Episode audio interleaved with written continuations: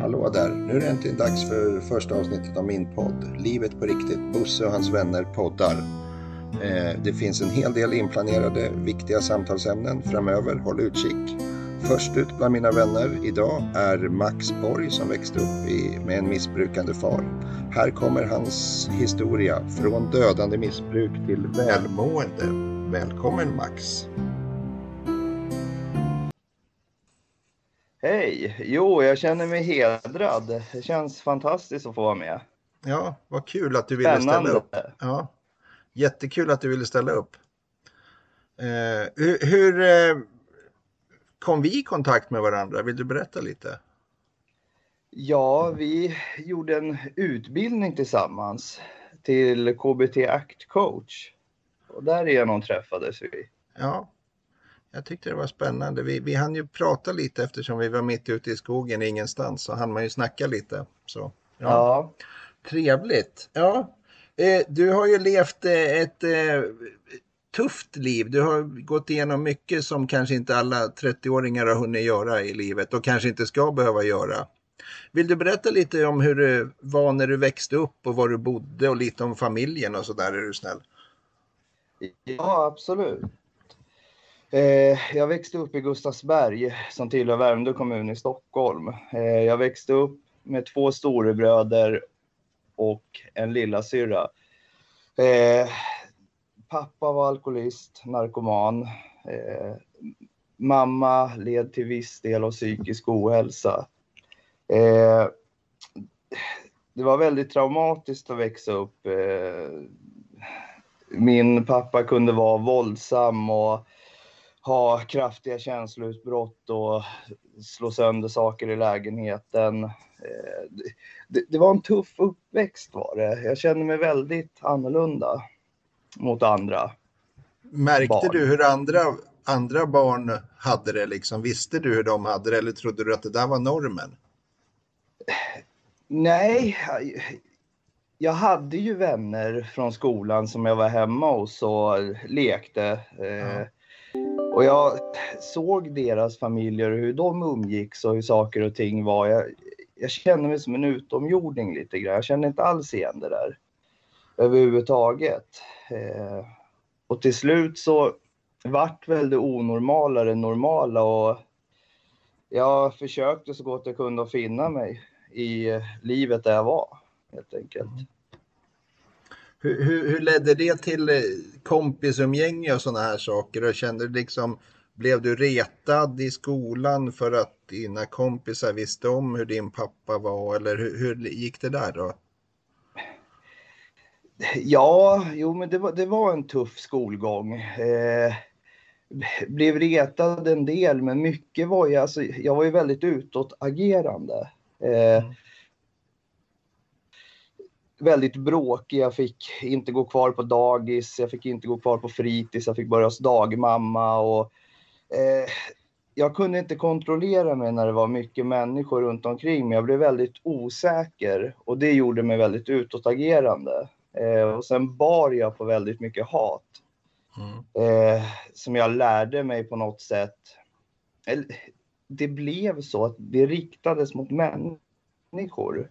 Mm. Eh, skolkamrater, lärare. Jag, jag ställde mig utanför kan man säga kort och gott. Var det någon, någon gång som visade någon förståelse för att den här Max, han mår ju inte speciellt bra. Han, honom behöver vi hjälpa. Eller plockar man bara bort dig och satte dig på sidan? Jag upplevde att man väldigt mycket plockade bort. Eh, ville inte kännas vid riktigt. Eh, jag gjorde ju en ADHD-utredning när jag var yngre. Eh, som visade att jag var på gränsen till ADHD men jag fick ingen diagnos. Eh, nej men, jag kände mig väldigt missförstådd, misstrodd. Eh, och det, det har ju lett till att jag hade väldigt svårt att lita på folk. Mm. Du, du blev eh, puttad åt sidan förstår jag då. Och, och då, då, då blir det lätt att man söker sig någonstans. Då, var, var hamnar dina kompisar? Då? Var det flera sådana här individer då som kändes utanför? Hur, hur träffades ni? Ja, det, det var väl på någon träffar man i skolan, men mycket var ju runt området där jag bodde. Just där jag är uppväxt på Nelsonstigen så det var ju socialt utsatta människor som bodde där. Eh, men låginkomstfamiljer om man ser till Värmdö kommun som är en väldigt fin kommun så. Eh, och där hittar man lätt sina gelikar om man säger så, som hade samma uppväxt. Eh, ja, vi kände igen varandra. Ni, ja, ni, ni, fick någon sorts gemenskap där och så vidare. Och hur, hur, tog ni er vidare där då? För det blev ju kanske inte det, det positiva umgänget som leder till någon positiv gemenskap vad jag förstår. Nej, det, det, det ledde ju till slut till katastrof. Så är det ju. Eh, det, när vi som barn och det vi gick igenom och allting vi bar inombords. Att ta fem sådana personer i samma rum. Det, det brukar allt som ofta sluta dåligt liksom när man inte har några verktyg att använda sig av. Man vet inte hur man ska göra. Ni, ni, ska ni försökte, ni försökte uppfinna en, en, verklighet som ni inte hade en aning om? Ja, Mm. Ja. Och, och, och vad, vad, gjorde ni då? då? Vad, vad hittade ni för verktyg? Ja, nej men det... Jag skulle vilja säga destruktiva verktyg till att börja med. Eh, mm. Alltså dels så var det ju den här gemenskapen att vi blev ju på något sätt, vad ska man säga, som blodsbröder, blodsvänner liksom. Vi, vi förstod mm. varann när ingen annan förstod oss. Så det, det blev ju någon form av sjuk relation men samtidigt otroligt värdefull. Ni behövde eh. varandra fast ni var destruktiva för varandra? Ja, mm. ja så kan man säga kort och gott. Absolut. Mm. Ja. Och, och, och, då ledde det in på det här som senare skulle leda dig eh, ner i ett ännu djupare fördärv vad jag förstår det här. Hur, hur kom ni i kontakt med, med, med droger och narkotika och alkohol och sånt här? Var det... Ja, alltså. Första gången som jag rökte hash, då var jag 12-13 år och då stötte jag ihop med en äldre kille i, som var i och kring mitt område. Och han frågade om jag skulle med på en holk och jag tänkte, ja okej. Okay. Ja, nej men absolut. Eh, där och då prövade jag hash för första gången.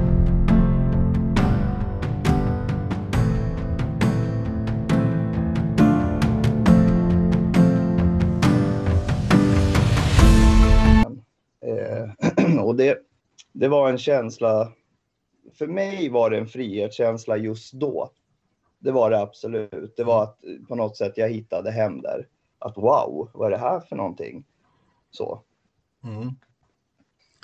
Och alkohol var i samma ålder. Ja.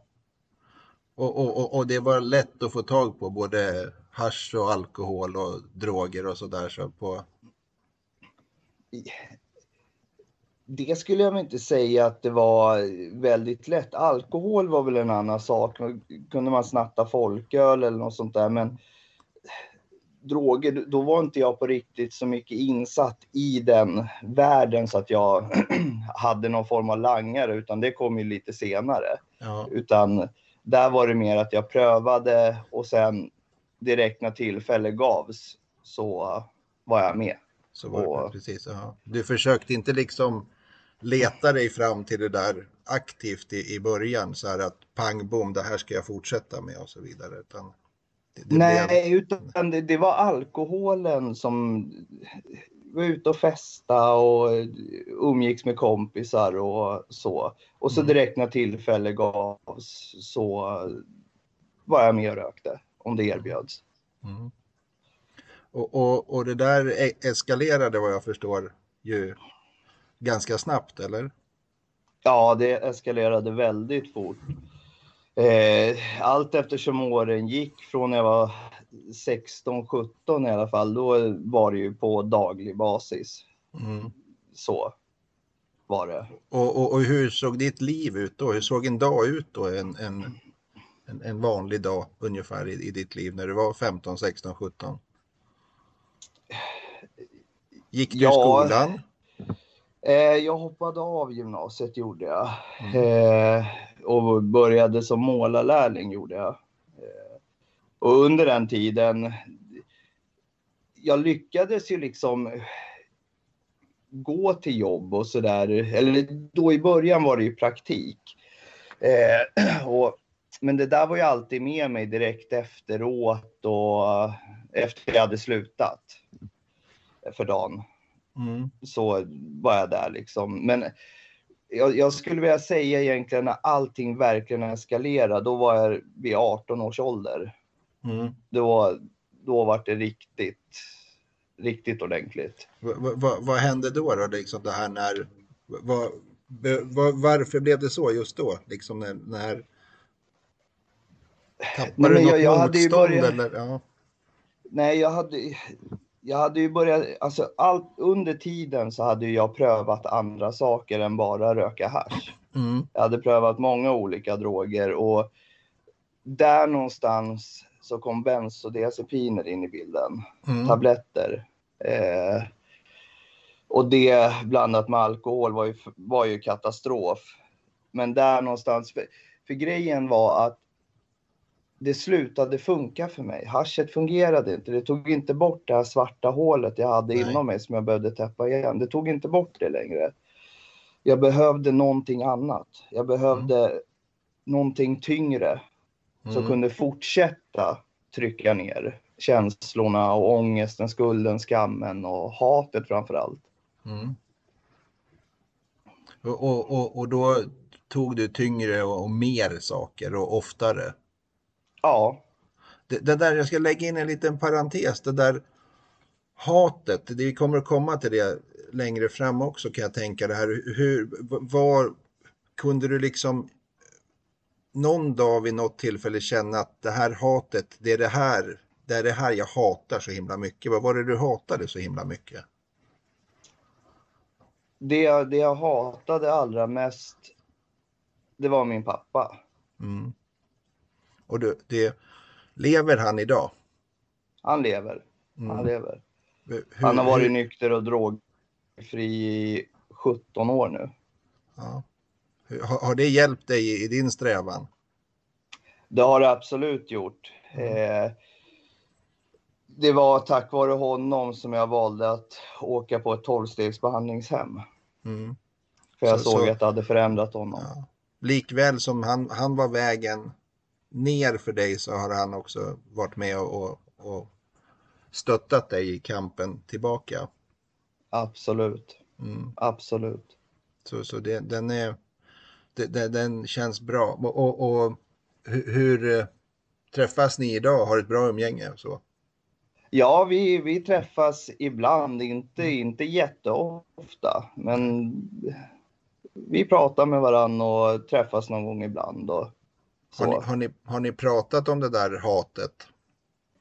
Vi har pratat väldigt mycket om det. Mm. Eh, och någonstans så vet ju jag idag vad han själv gick igenom. Mm. Eh, och det har på något sätt gjort det lättare för mig att acceptera Mm. och faktiskt förlåta det som har varit. Mm.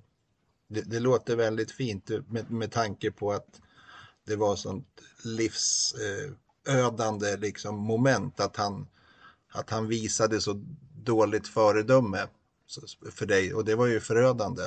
Hur, hur ser det ut för, för dina syskon?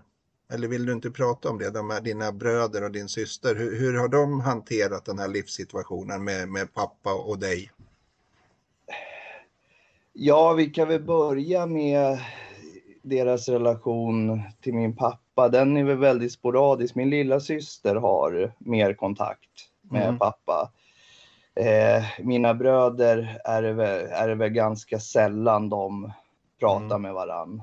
Eh, är, och med mig var det så att mina bröder någonstans tröttnade på, eller inte tröttnade, jag tror det var mer, de klarade inte av att se mig Nej. som jag hade blivit. hur jag såg ut. Eh, när jag var drogad, jag träffade familjen när jag hade tagit något. Eh, stal pengar. Jag var oärlig i stort sett alla mina angelägenheter. Allting jag sa i stort sett kunde man räkna med var någon form av lögn eller vit lögn. Det var för att du skulle sko dig själv. Du var bara centrerad till, till dig själv och ditt eh, drogande. Det fanns bara jag. Ja. Och, och, det fanns, och den... det, har, har, har du bett dina syskon om förlåt och sådana här saker? Har ni pratat om det här också? Så att... Ja, det har vi gjort. Eh, och det jag har insett är att i och med jag tillfrisknade från mitt beroende, men det betyder ju inte att min familj har gjort det. Nej. Utan det sitter ju kvar. Mm. Jag tror det tog ungefär tre år in i nykterheten innan min mamma slutade kolla mig liksom djupt in i ögonen för att se om hon kunde se om jag var påverkad av något. Ja. Så att det har ju suttit i sina spår absolut i familjen. Du, du, har, fått, du har fått jobba upp en, en tillit och en tilltro förstår jag. Liksom, den har du fått förtjäna verkligen. Ja. Mm. Ja. ja. Ska vi hoppa tillbaka till det där och när, du, när, det blev, när det eskalerade till 18-årsåldern ungefär, när det speedade på. Vad, vad hände då? Vad liksom, hur, hur såg din värld ut då? Raserade den eller hur? Ja, jo det kan man ju säga på sätt och vis att den gjorde. Vänner tog avstånd. Eh, men jag, jag varit på något sätt så upptagen i mig själv och mitt användande att jag, hade, jag hade varken tid eller ork att släppa in någon annan i mitt liv på riktigt liksom. Eh, jag, jag hade no några få vänner eh, som stod mig extremt nära. Eh, mm. Så. Men jag, jag var inte heller så intresserad av människor utan jag ville ha mitt. Så. Mm.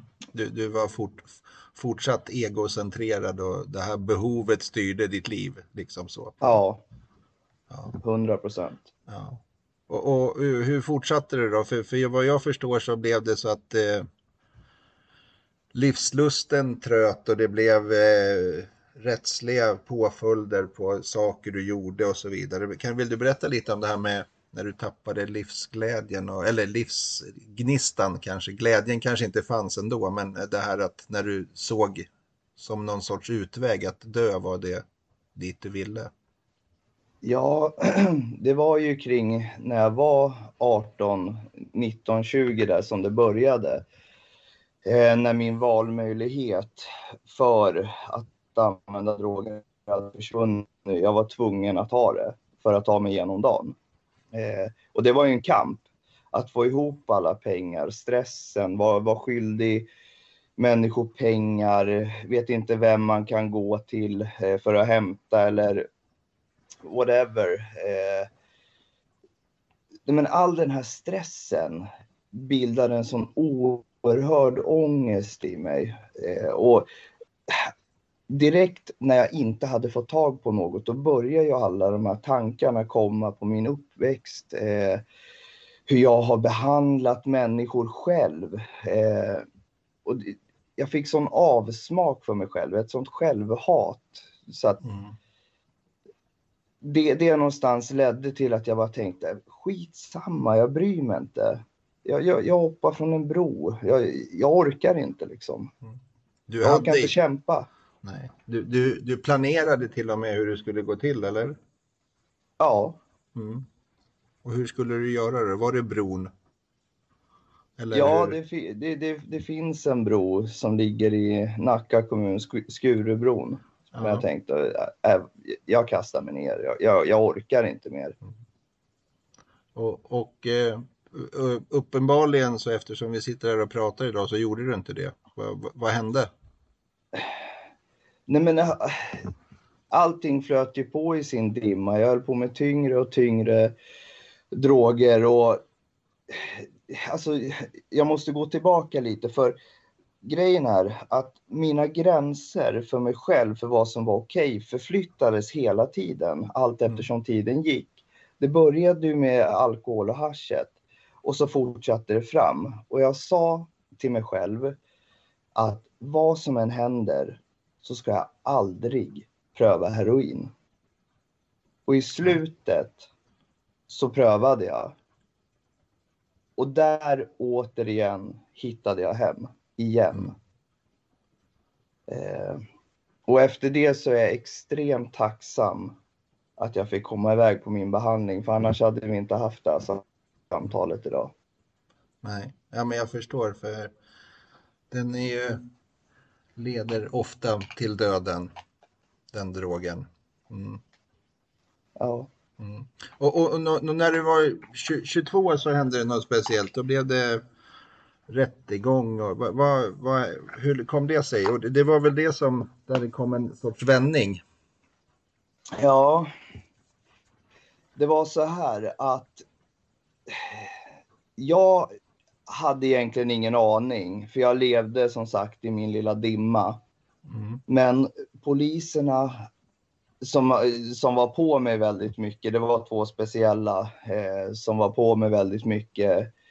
Och jag hade ingen aning om att de hade börjat bygga upp ett åtal mot mig med fler åtalspunkter. För att de såg där och då så tyckte jag att de var riktiga idioter. Kan de inte bara låta mig få vara i fred liksom? Mm. Eh, men de hade som sagt, de hade börjat bygga upp det här åtalet mot mig. För att de såg väl antagligen hur jag mådde och hur jag var och vart jag var på väg. Så att de ville få bort mig på ja. något sätt från gatorna. Eh, och det vart rättegång och jag fick mina åtalspunkter uppraddade. Eh, det var narkotikainnehav för försäljning, eh, ringa narkotikabrott, stöld, inbrott. Eh, och det ledde till att jag blev dömd till, till några månaders fängelse. Så det var ju ingen jättetid att prata om. Nej. Men där och då så var det liksom att för mig var det på liv och död på något sätt. Eh, så jag valde att ansöka om att få kontraktsvård. Okay. Att jag skulle få komma iväg på behandling istället för ett fängelsestraff. Hur, hur, jag visste. Hur, blir, ja. mm. hur, hur, blir man informerad av det? Eller får man ta reda på det själv? Eller är det att det liksom det här finns som möjlighet till ett fängelsestraff? Eller hur går sånt där till? Det skulle vara intressant om du berättade det. Ja, ska jag vara helt ärlig så minns inte jag. Nej. Alltså från den stunden och fram till dagen innan jag åkte på behandling så var jag fortfarande en aktiv alkoholist och narkoman. Mm. Det är som i en dimma. Och jag mm. minns faktiskt inte hur det kom sig, om det var min advokat som ansökte om det eller hur det var. Nej. Jag vet inte. Det är, något för mig att ta upp så kan jag lägga in det som en liten länk sen när vi, när vi tar reda på mer sen runt omkring. Ja. Absolut. Mm. Och, och, då kom du i alla fall iväg där då? då? Ja. Eh, jag kom och kontraktsvård, du, du, skrev på liksom ett, ett kontrakt då? Ja, alltså grejen är att du har ju fortfarande ditt fängelsestraff hängandes. Ja. Så, om du, så om du missköter dig och de anser att du vill inte det här eller att du har misskött dig för många gånger så då återgår de till det ursprungliga straffet och man får, mm. får ta sitt fängelsestraff helt enkelt. Ja. Och, och vad hände då? Du hamnade på ett behandlingshem och, och eh, var, var låg det eller var ligger det någonstans? Det ligger utanför Örebro i Hällefors. Ligger okay. det. Ett tolvstegsbehandlingshem. Mm. Och där, ja, jag blev dömd till sex månaders kontraktsvård. Ja. Vart och, och vad, vad, vad, händer då? För de som inte vet vad tolvstegsprogrammet är och så vidare. Vad, vad, vad händer när du kommer dit? Du sa att du var missbrukande och aktiv alkoholist och, och, och missbrukare till precis dagen innan du åkte? Jag var livrädd. Mm. Var jag. Jag var otroligt rädd. Jag hade ingen aning om vart jag hade hamnat. Eh, jag kommer in i, på ett kontor och de berättar lite grann om hemmet, eh, hur det går till, vad jag ska göra. Eh, jag får lämna ifrån mig min mobiltelefon, mina mediciner. Eh, och så helt enkelt visar de mig runt där. Och det första jag möts av på väggen så står det Gud, ge mig sinnesro. Mm. Och där, där och då så vart jag liksom, jag vart väldigt skeptisk Mm. och tänkte, vad är det här för någonting? Är det, vart har jag hamnat lite grann så? Mm. Eh, men jag kom in i det ungefär två dagar efter jag hade kommit dit, för jag hade fortfarande liksom, vad ska man säga, droger i kroppen på något sätt. Mm.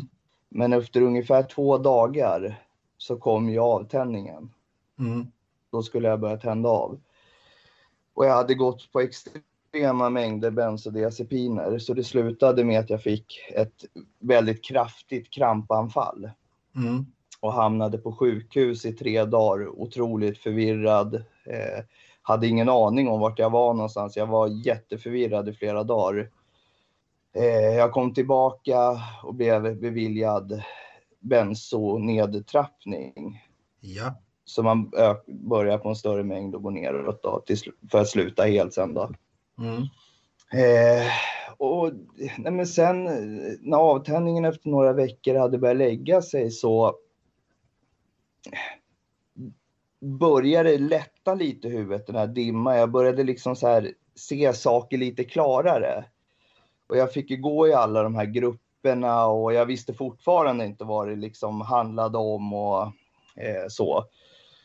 Eh,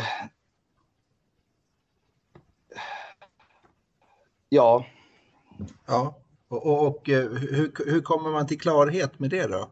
Det här, den här förvirringen. Du, du, du får någon sorts uppvaknande men du vet fortfarande inte vad det är, var, var, var, var, varför är jag här och vart ska det leda och så vidare. När, när kom den då? När du... Ja, nej men alltså det- den, den kom ju efter ett antal veckor. Alltså jag, hur ska jag förklara egentligen? Eh, nej men jag började på något sätt förstå att det, det fanns ju liksom en väg ut, för jag hade fått börja åka iväg på självhjälpsgrupper. Eh, hade vi fått börja åka iväg på. Jag började liksom någonstans förstå att okej, det finns ju faktiskt ett sätt att leva utan det. Eh, men jag, jag var inte 100% beredd på att ta de stegen heller. Nej. Eh, för det var ju allt jag kunde från så tidig ålder. Liksom det, det var ju på något sätt min identitet. När de plockade bort den så stod jag där helt naken och liksom, vem är jag? Vem Läskigt. är jag utan det? Det var otroligt läskigt. Ja. Otroligt läskigt. Och konfronteras med sig själv. Och känslorna framför allt. Och så skulle du bygga upp en ny Max. Mitt i Ja. där då. Ja. Och det var så, dagarna fortgick och jag minns efter tre månader så fick jag min första permission beviljad. Mm. Och jag åkte tillbaks till min gamla hemkommun. Eh, med facit i hand så vet jag att jag borde inte ha åkt på den permissionen för jag visste vad som skulle hända. Mm. Jag tog ett återfall. Ja. Jag kom tillbaka till hemmet. Eh, det jag hade använt mig av visades inte på de här urinstickorna på pissproven som man får ta när man kommer tillbaka och utandningsproven.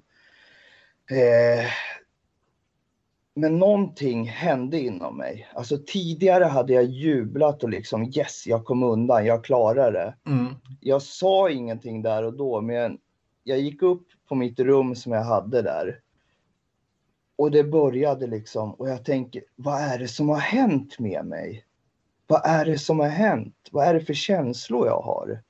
Mm. Eh, där och då så började jag gråta väldigt mycket och det kom ut så mycket och det handlade inte bara om just det här utan allt kom ut där Det var, och då. upp, det var det här uppdämda som det bara raserade. Så det, ja. Ja, det var mitt första andliga uppvaknande jag haft. Ja. Eh, jag går upp till personalen, berättar precis som det var, eh, var fullständigt ärlig med det och var beredd att ta konsekvenserna av det. Vilket Ja. kunde ha lett att jag fick mitt fängelsestraff istället. Och, och eh, hur tog de emot det då? Eh, det togs emot ganska bra skulle jag säga. Det vart ju lite samtal för det här var ju på kvällen jag kom tillbaka och då var ju inte liksom ordinarie personal och behandlarna där utan då var det ju en kvällspersonal så. Mm. Eh, så han ringde, ringde väl runt och det slutade med att jag fick vara på mitt rum under resten av kvällen. Dagen efter så fick jag prata med min behandlare. De hade ringt till kriminalvården och berättat det här. Och var det dags för möte, då skulle jag, min behandlare och sen de från kriminalvården ha ett telefonmöte. Då. Och där berättar min behandlare om, om min vilja till det här, att jag faktiskt kom undan med det men ändå valde att berätta som det var. Mm. Att det är en väldigt stor grej. Mm. Och eh, de beslutade sig för att jag skulle få vara kvar och full, fullfölja min behandling helt enkelt. Mm. Det, det, det, där kan man se en, en, en vändning som var betydelsefull. Otroligt, Mm. otroligt betydelsefull. Jag, hur sjukt den låter så behövde jag det där sista för att verkligen inse att jag är en otroligt sjuk människa. Mm.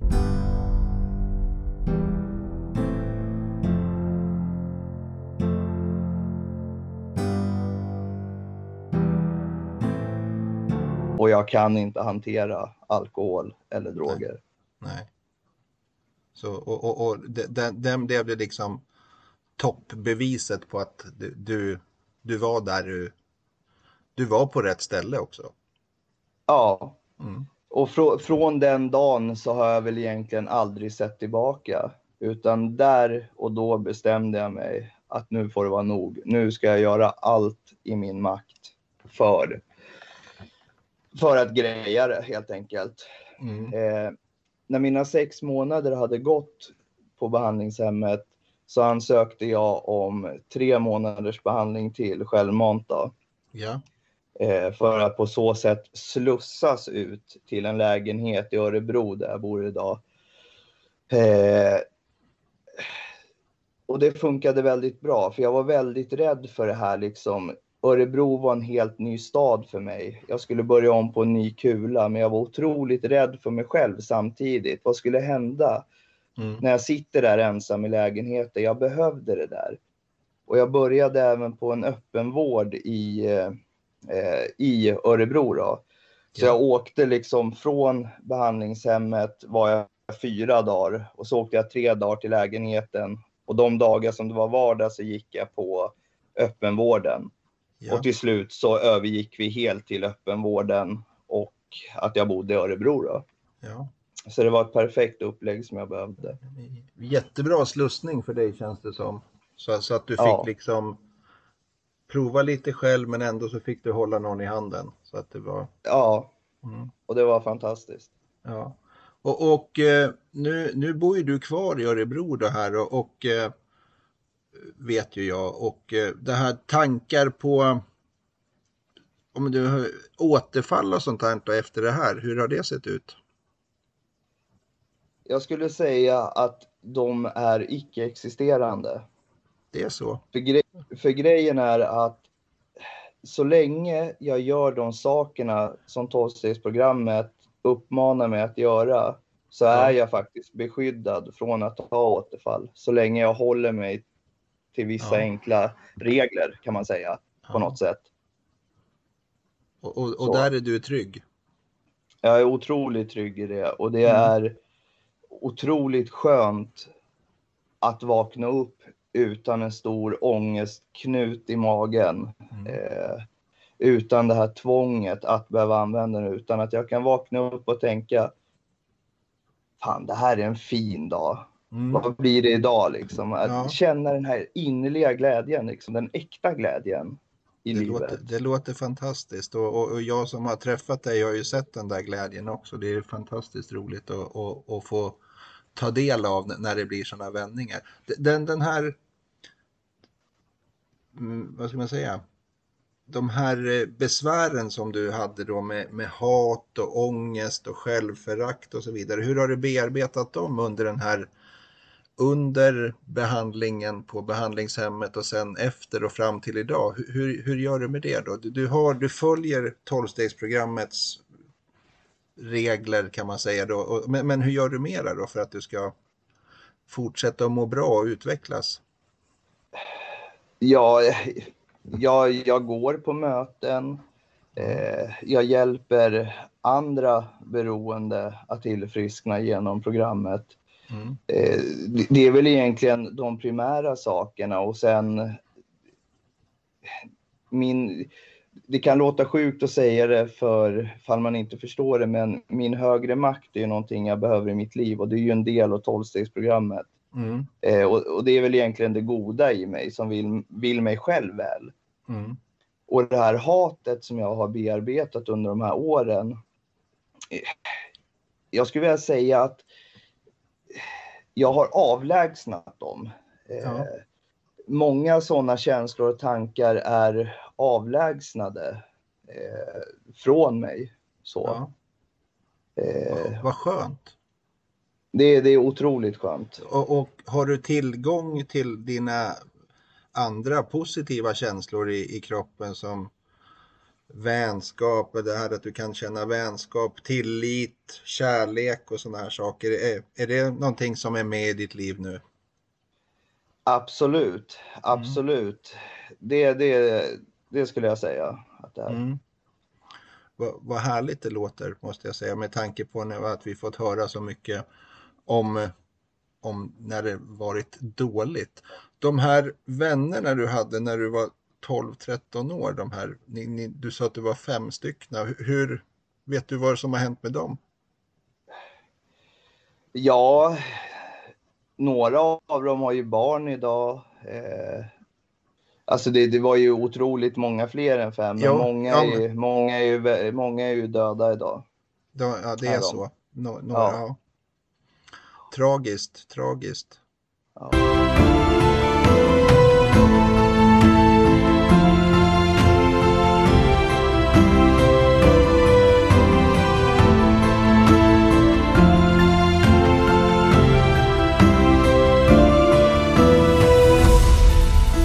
Dem fick hjälp, några av dem ville inte, ville inte ha hjälp. Eh, så. Mm. Eh, ja. Hur, hur, ser du på det då? Har du någon, tänker du liksom ur något samhällsperspektiv att här borde samhället ha gjort en insats och gripit in? Eller hur tänker du? Liksom, hade ni er själva att skylla för att ni växte upp som ni gjorde? Eller vad, vad, hur, hur tänker du kring sån problematik? Nej, alltså eftersom jag varit där själv och liksom vet liksom med facit att det handlar ju om mig. Det mm. handlar om mig. Eh, för tidigare har jag alltid jag skyllt på omständigheter. Socialtjänsten, det är dens fel, det är polisens fel, det är mm. min uppväxt fel. Eh, men det jag vet idag är ju på något sätt att det är mig det handlar om, det är jag det är jag som måste ta ansvar i det här. Mm. Eh, så. Kan man veta det som 12-13-åring? Nej, nej, nej, nej. Nej, inte när man är så ung, nej. Nej. Hur, eftersom du uppenbarligen valde en, en avig och lite eh, ja, en, en, en annorlunda väg upp till vuxenvärlden så, så känns det som att jag, jag vet ju själv eftersom jag jobbat i skolans värld, det här med kan, skulle skolan ha gjort några insatser, kunde vuxenvärlden ha gjort, lett dig på rätt väg så att säga, om man nu tänker att den här vägen som vi är inne på nu är, är den rätta vägen. Och, och det här att man inte håller på med droger. Hade, hade, kan man tänka sig, ä, även om det inte är pekpinnar, finns det någonting som saknades då? Ja, absolut. Jag, jag, jag, tror, jag tror jag missuppfattade frågan ja, lite från okay, början. Ja, ja. Eh, ja nej, men jag, jag känner absolut att jag... Att framförallt lärare borde ha ifrågasatt och undrat lite mer vad är det egentligen som händer? Mm. Eh, jag fick ju höra från en lärare, kan du inte vara lite mer som dina storebröder? Lugn och liksom sådär, för jag okay. var ju väldigt utåtagerande, liksom jag jävlades, jag sprang runt ja. och retades och sådär. Och, ja, vad, vad, ska man säga liksom? Och på något sätt så känner jag att jag, jag vart ju inte riktigt sedd. Nej. Du, du, blev inte be, du blev inte bekräftad för den du var, utan du blev liksom, som vi sa tidigt i, i intervjun här eller samtalet, att du blev åsidosatt liksom. Du är i vägen så dig sätter vi på sidan om här liksom. Ja, det, det vart ju egentligen av i stort sett hela liksom det vuxna nätverket runt mig kan man säga. Ja. Alltså Gustavsberg där jag växte upp, det är ju inte, det är ju inte jättestort liksom. De, de flesta vet ju vem jag är ja. och visste vem jag var. Eh, det var otroligt många gånger som jag blev beskylld för att ha gjort massa djävulskap i, i och kring området liksom, som jag inte alls hade varit delaktig i. Nej. Så. Men, men, det var lätt att ta till dig för du var liksom ändå redan undanskuffad. Så då kunde man lägga mer skit på dig då? Ja, mm. ja men så, så upplevde jag det. Absolut. Ja. Så, så det, det, var liksom lite så här, ja men det, där, där, är ju han så han kan vi kasta lite mer skit på. Ja, jo men så, mm. så kändes det. Mm. Och, och, och, det är ju inget som varken barn eller vuxna behöver, men framförallt inte barn när man ska växa upp i en trygg tillvaro. Det, det, här som vi pratade om lite snabbt, bara vi gick hastigt förbi det här med, med känslor och kärlek och sådana här saker. Hur, jag vet ju att, hur, hur har du det idag? Eh, jag bor tillsammans med min sambo och så har vi en liten katt. Mm. Eh, vi, vi bor i en trea i Örebro. Mm. Gör vi. Och, och, du är väldigt glad och harmonisk? Ja. Ja. ja. Och hur, hur, hur hamnade du där då? Hur, hur kunde det liksom, du lita på en, en annan vuxen människa? Var det, hur, hur, hur kommer man dit? Efter att ha varit så miss, du har ju varit så misstrodd och misstänksam mot omgivningen och inte brytt dig om andra heller. Det är framförallt arbetet i tolvstegsprogrammet. Där fick mm. jag ju hitta mig själv. Mm. Där fick jag verkligen gå igenom och ransaka hela mig själv och min tillvaro, vem jag är och saker jag gjort. Och... Eh, jag, jag är en förändrad människa idag. Mm. Så, så, du började med, du, lite som du var inne på förut, du började med dig själv och då, då kunde andra se dig också? Ja. Mm. Ja. Och du, du pratade om eh, en, en eh, och, och, och, vara skuldfri också och ha fast jobb och såna här saker som rätt många människor, speciellt kanske kan jag tänka mig din ålder som tar rätt för givet. Ja men det är rätt många som har fast jobb och man är skuldfri liksom. Men du nämner det som speciella grejer. Varför blir det speciellt för dig? Det, det var ju en del av min historia. Mm. Eh, skuldberget hade ju byggts på eh, mm. i och med böter jag hade fått som var obetalda. Och, mm. eh, det var ett relativt stort belopp jag var skyldig. Och, när man har de skulderna så är det ju svårt att skaffa lägenhet. Mm. För lägenheten jag hamnade i först i Örebro, det var ju en så kallad försökslägenhet, insatslägenhet som inte, inte var tänkt att bli min utan där jag skulle bo fram tills jag hittade något eget. Eh, och i och med mina skulder, de kräver ju ofta att man, de gör ju en kreditupplysning helt enkelt mm. och ser mina skulder och tänker då tar vi kanske någon annan hyresgäst som inte har det. Ja. Eh, så under de här sju åren som jag har bott i Örebro så räknade jag till att jag har bott på 12, i 12 olika bostäder. Ja. På korttidskontrakt och så. Ja. Eh, och till slut så fick jag tag i en lägenhet, jag och min sambo då. Eh, Ja. Min pappa skrev sig som borgenär så att vi kunde flytta in i vår första lägenhet i Örebro. Ja. Eh, och det var mitt första förstahandskontrakt och då var jag 28 år. Ja. Eh, totalt skuldfri vart jag för eh, två år sedan. Ja. Eh, och det var oerhört stort för mig. Ja, och, vad härligt. ja, Mm. så. Och, och du har fast jobb idag Ja, jag jobbar som Mm. personlig assistent. Ja, och, och, och det måste ju vara härligt att få ge. Liksom och, och få ta del av andra människors vardag och sådär och, och hjälpa till och bidra. absolut. Mm. Det, det är det jag brinner för. Mm.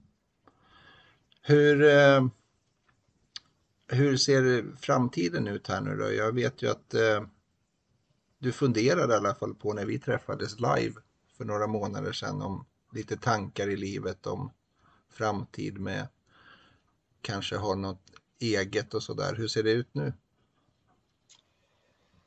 Ja, tankarna har gått till att flytta tillbaka till Stockholm har det gjort. Mhm. Ja, Eh, min sambo är ju också från Stockholm ursprungligen. Jag lockade hit henne ja, till Örebro. Eh, Mhm. Tankarna har gått på att flytta tillbaka till Stockholm. Eh, ja, hon håller på att utbilda sig och eller ska börja utbilda sig. Så ja, tanken är väl att starta upp en familj i Stockholm. ja, spännande. Är det, finns det Ja. några farhågor och rädslor för att närma sig, som man säger, brottsplatsen och komma närmare Gustavsberg och sådär, där, där, där du har lite sämre minnen ifrån? Är det läskigt eller är du trygg med det? Jag är, jag är faktiskt trygg med det. Mm. Eh, hade du frågat mig för fyra, fem år sedan så hade jag sagt nej, nej, det blir Nej. inget mer. Men idag känner jag mig så pass trygg. Mm. Eh, vi ska börja runda av det här Max. Vi har pratat en väldigt lång stund och det har varit väldigt spännande och intressant att få varit med på din livsresa. Den här, eh, något litet ord på vägen, tips, råd, liksom den här, både till den här, en ung lyssnare eller en, en vuxen runt omkring som kanske ser det här barnet och så vidare. Har du något tips eller råd som du skulle kunna, något ord på vägen? Var lyhörd. Lyssna. Mm. Lyssna på vad personen har att säga. Bakom, bakom det så finns det en historia. Bakom allt finns det en historia som behöver berättas och lyssnas på. Det är oerhört viktigt. Jag tror att vi har, får ha det som slutkläm. Tack så väldigt mycket Max. Tack själv.